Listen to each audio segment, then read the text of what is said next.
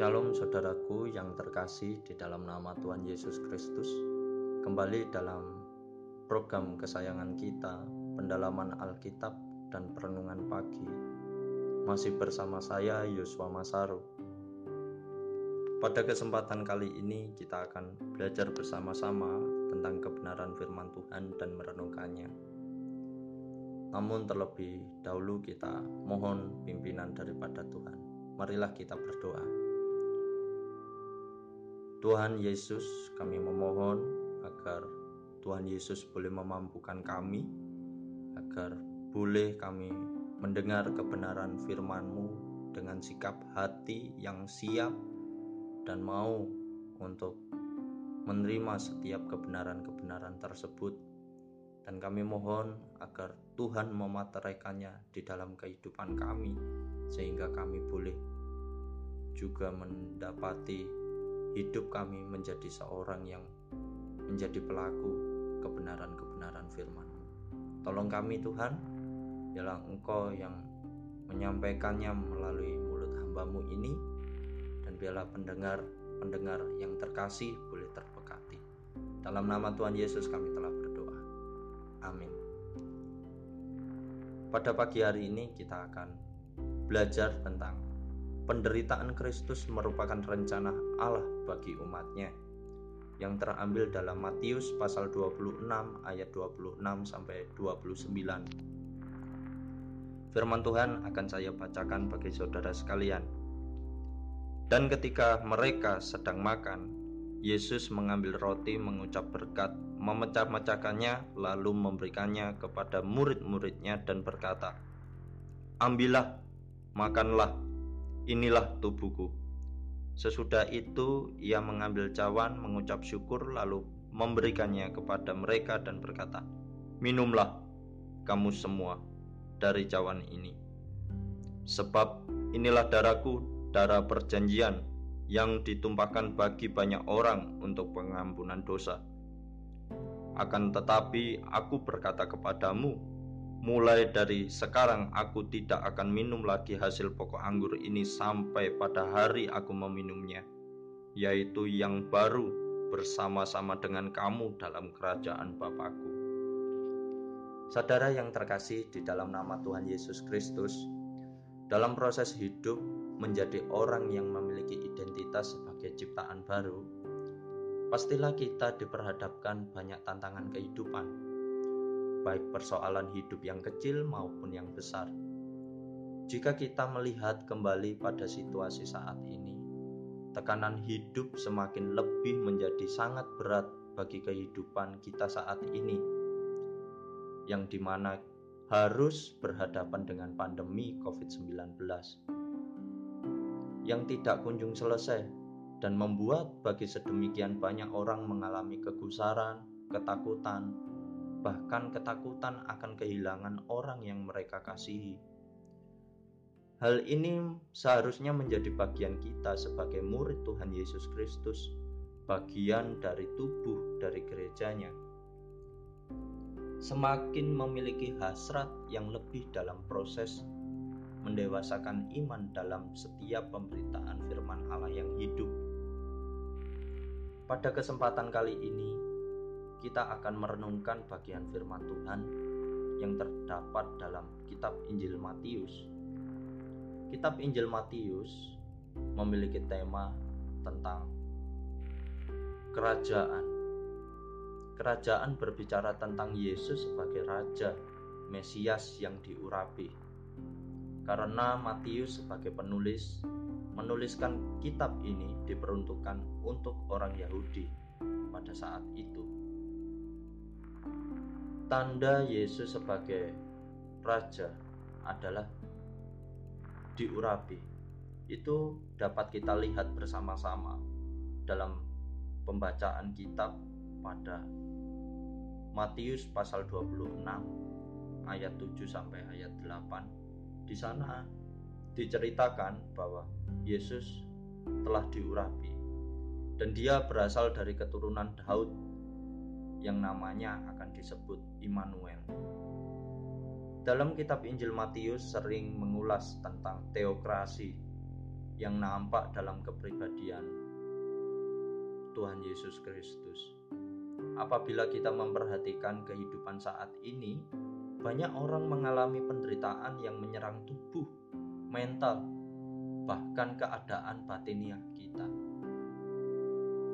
Karena di mana proses kehidupan manusia yang mula-mula berjalan normal menjadi begitu berat dan dihentikan oleh satu wabah yang menyerang begitu dahsyat.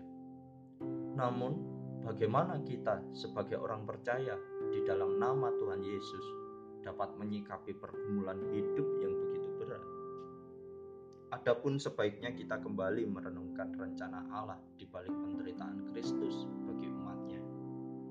Dalam bagian kitab Injil Matius pasal 26 ayat 26 sampai 29 kita akan kembali belajar merenungkan seperti apa rencana Allah di dalam penderitaan Kristus bagi umatnya. Yang pertama, untuk pengampunan dosa. Kita dapat melihatnya bersama-sama dalam ayat 28. Di sana dituliskan seperti demikian. Sebab inilah darahku, darah perjanjian yang ditumpahkan bagi banyak orang untuk pengampunan dosa. Rencana Allah melalui karya penderitaan Kristus ini adalah bagian yang penting mengingat kembali bahwa korban-korban dan persembahan sebagai penghapusan dosa dalam perjanjian lama selalu identik dengan binatang yang harus dikorbankan atau dipersembahkan memiliki syarat-syarat tertentu yakni binatang yang terbaik, yang sulung dan tak bercacat. Sehingga dalam keyakinan orang Yahudi, korban adalah sesuatu yang ditetapkan oleh Allah bagi umatnya sebagai permohonan untuk beroleh pengampunan dosa dan tebusan atas dosa yang telah dilakukan oleh tiap-tiap orang yang telah melanggar ketetapan Allah. Dalam hal ini, Yesus sebagai korban yang sempurna atas penggenapan kitab perjanjian lama. Dia harus menyerahkan tubuh dan mencurahkan darahnya sebagai penggenapan atas perjanjian atas mereka orang-orang berdosa.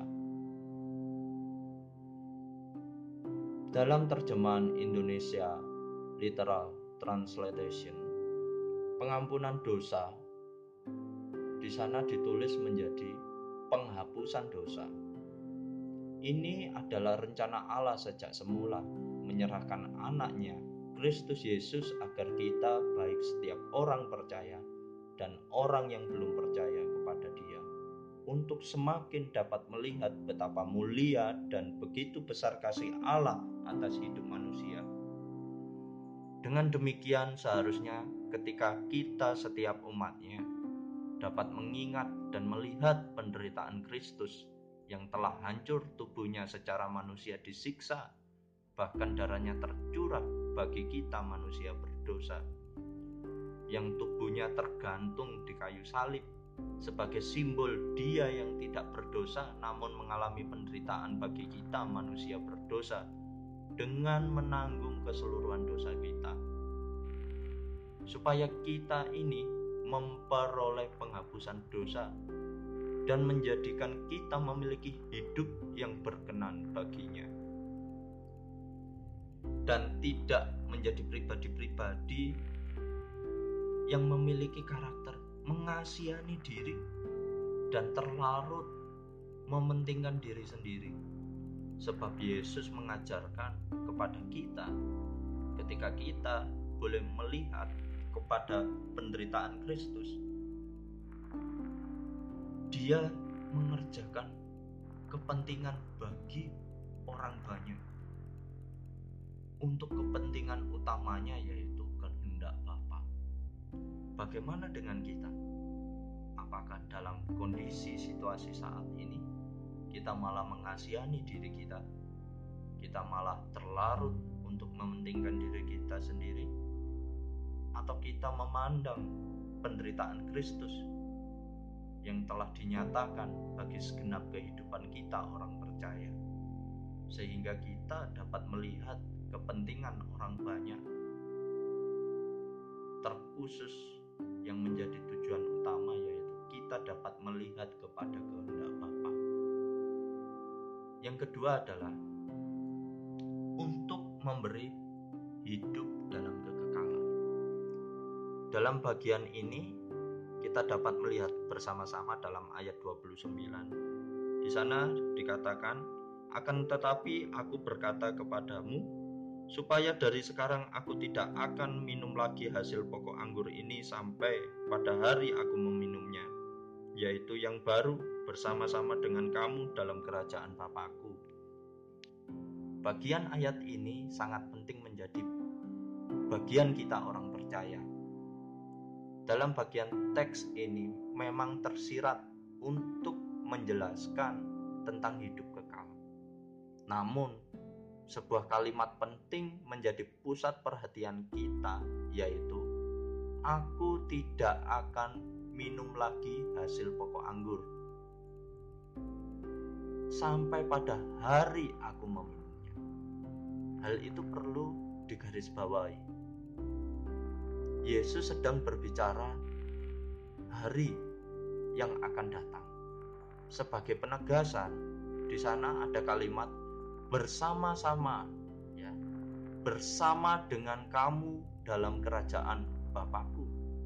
Dengan demikian ini menunjukkan kepada keyakinan kita atas kebangkitan tubuh dan kepastian atas hidup orang percaya.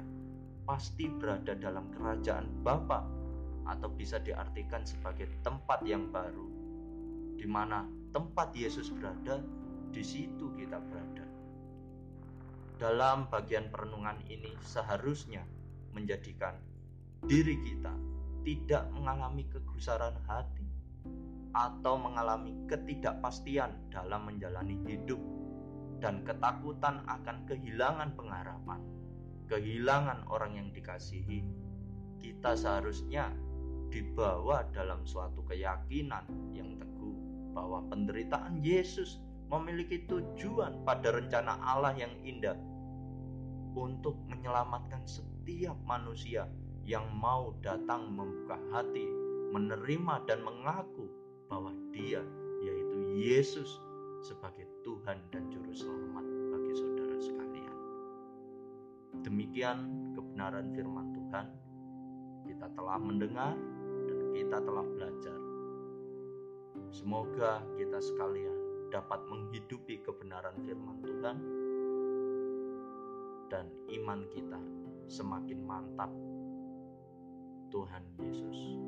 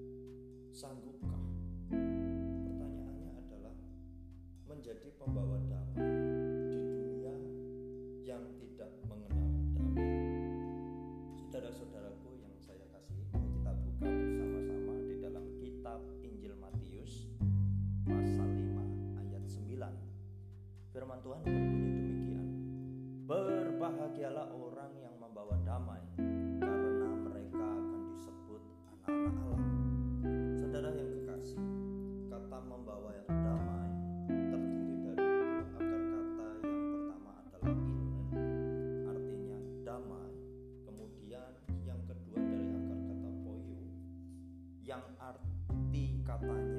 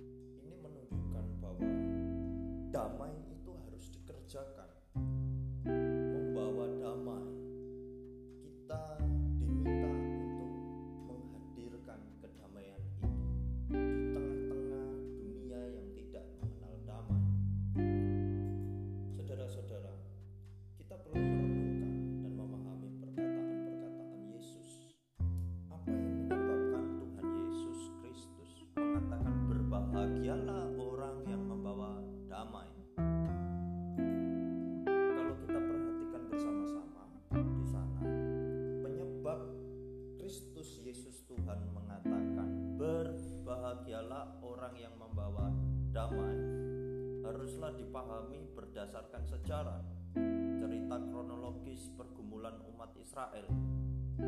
Menurut tulisan yang ditulis di dalam Injil Lukas pasal 2 ayat 1 sampai ayat 2. Firman Tuhan menunjukkan di sana bahwa Israel dijajah oleh bangsa asing dan pada masa kelahiran Yesus saat itu adalah kerajaan Roma sedang berkuasa di bawah pimpinan Kaisar Agustus pada tahun 31 sebelum Masehi sampai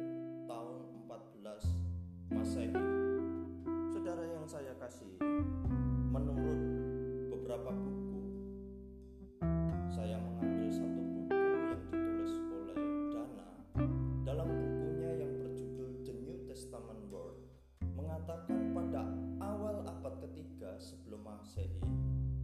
Setelah berhasil memukul mundur invasi bangsa barbar dari utara dan menundukkan beberapa negara-negara tetangganya di semenanjung Italia bangsa Roma menjadi bangsa yang sangat kuat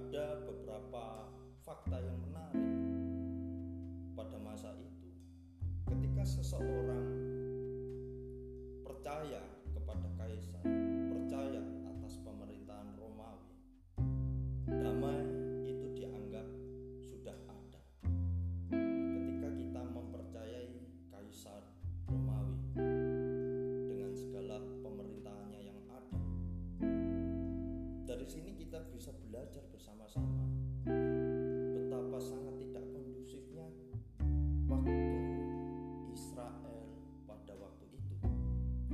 Sejak itu Imperium Romawi mengalami masa keemasan selama 200 tahun ke depan mencapai teritori terluasnya membangun infrastruktur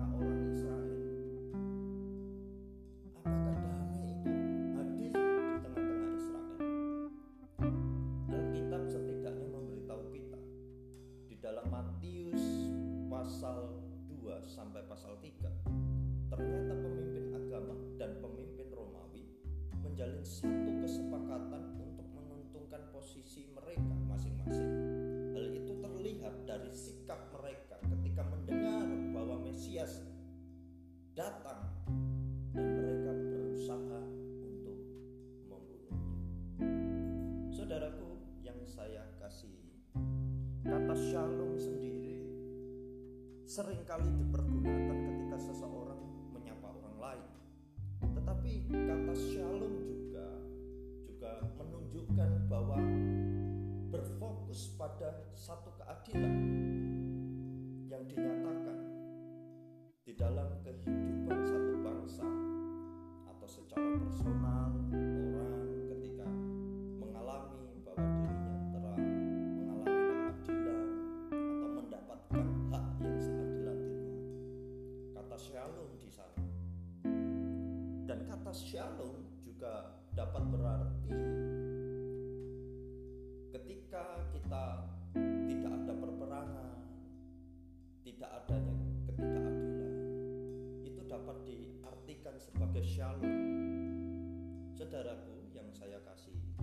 kata shalom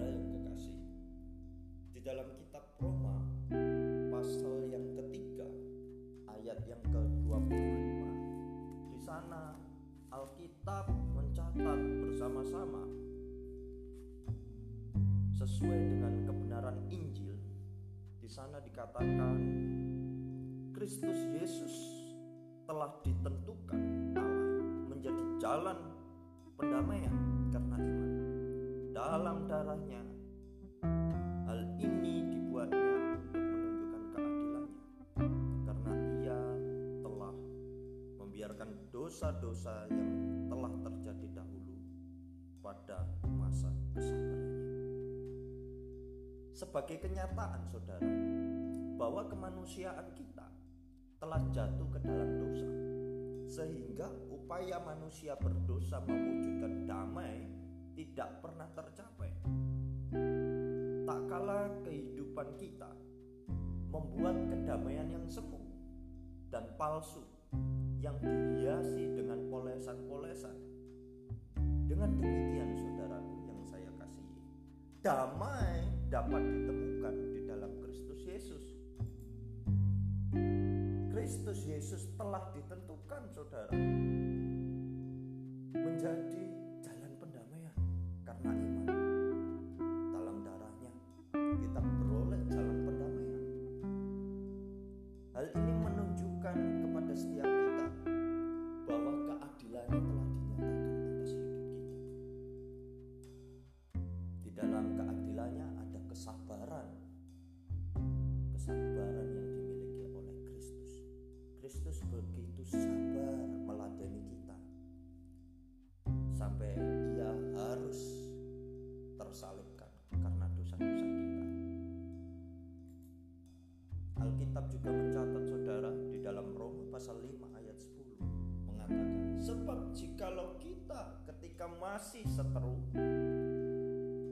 Diperdamaikan dengan Allah oleh kematian anaknya. Lebih-lebih kita yang sekarang telah diperdamaikan pasti akan diselamatkan oleh hidupnya. Dan bukan hanya itu saja kita malah berpegang dalam Allah oleh Yesus Kristus Tuhan kita. Sebab oleh dia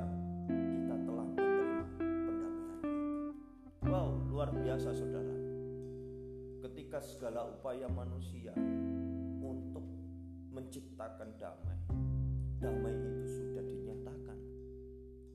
2000 tahun yang lalu raja di atas segala raja yang kita menyebutnya raja damai telah hadir hidup di tengah-tengah umat manusia berdosa merasakan bagaimana dunia yang ia tempati untuk sementara waktu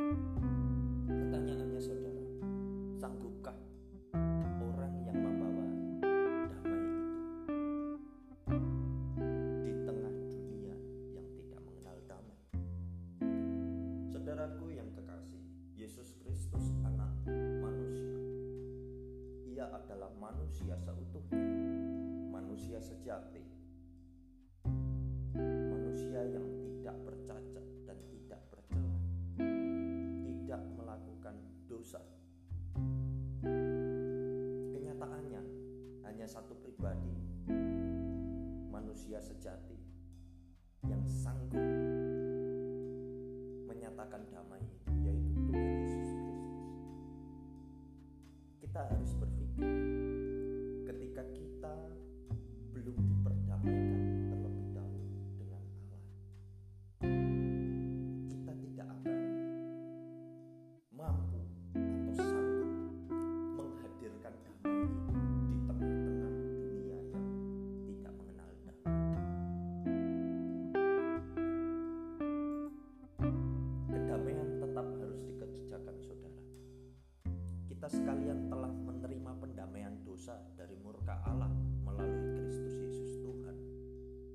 Sebagai implikasinya, kita perlu menjaga, memelihara, mengusahakan, menghadirkan damai itu. Sekalipun dalam kenyataannya tidak semua orang mau hidup dalam damai. Tetapi kedamaian tetap harus dikerjakan. Mungkin saudara berpikir dalam beberapa waktu wah, bagaimana bisa ada damai di dalam rumah tangga, di dalam berelasi, bermasyarakat, sedangkan orang-orang itu tidak mengenal Tuhan Yesus Kristus.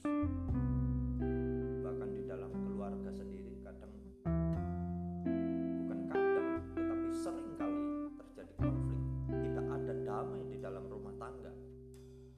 Hal itu disebabkan karena orang-orang yang ada di dalamnya tidak memegang teguh tidak memahami kebenaran Injil sehingga di dalam rumah tangga pun damai itu tidak ada jangankan satu bangsa dalam rumah tangga pun bisa terjadi kehilangannya kedamaian.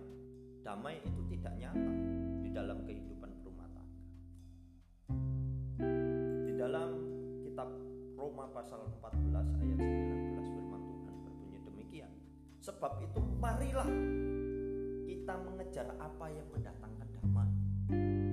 Marilah kita mengejar satu upaya, satu usaha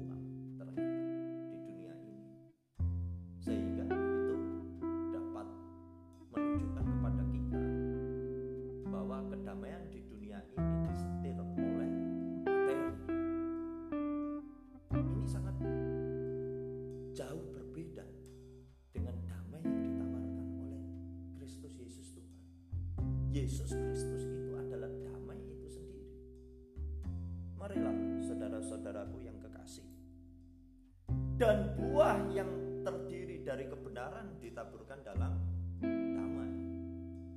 Jadi kedamaian itu dapat terwujud. Kedamaian itu dapat hadir ketika kebenaran itu nyata di dalam setiap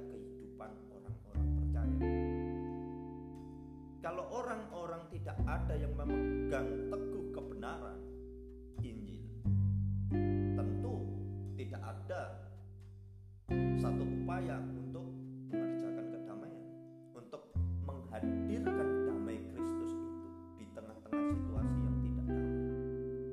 Dikatakan dan buah yang terdiri dari kebenaran ditaburkan dalam damai untuk mereka yang mengadakan damai.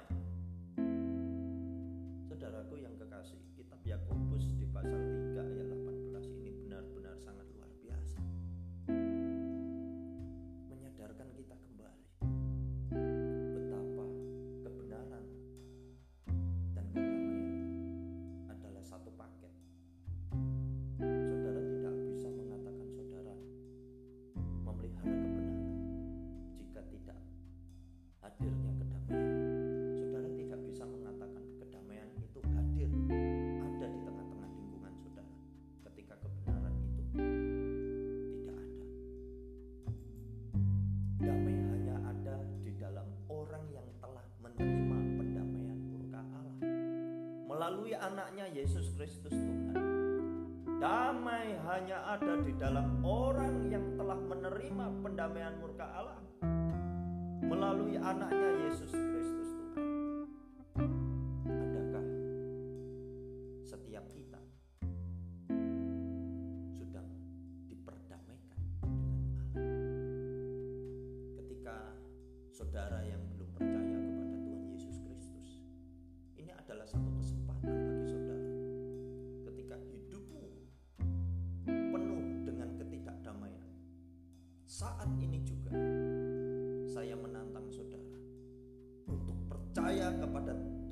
Yesus Kristus yang adalah Raja Damai.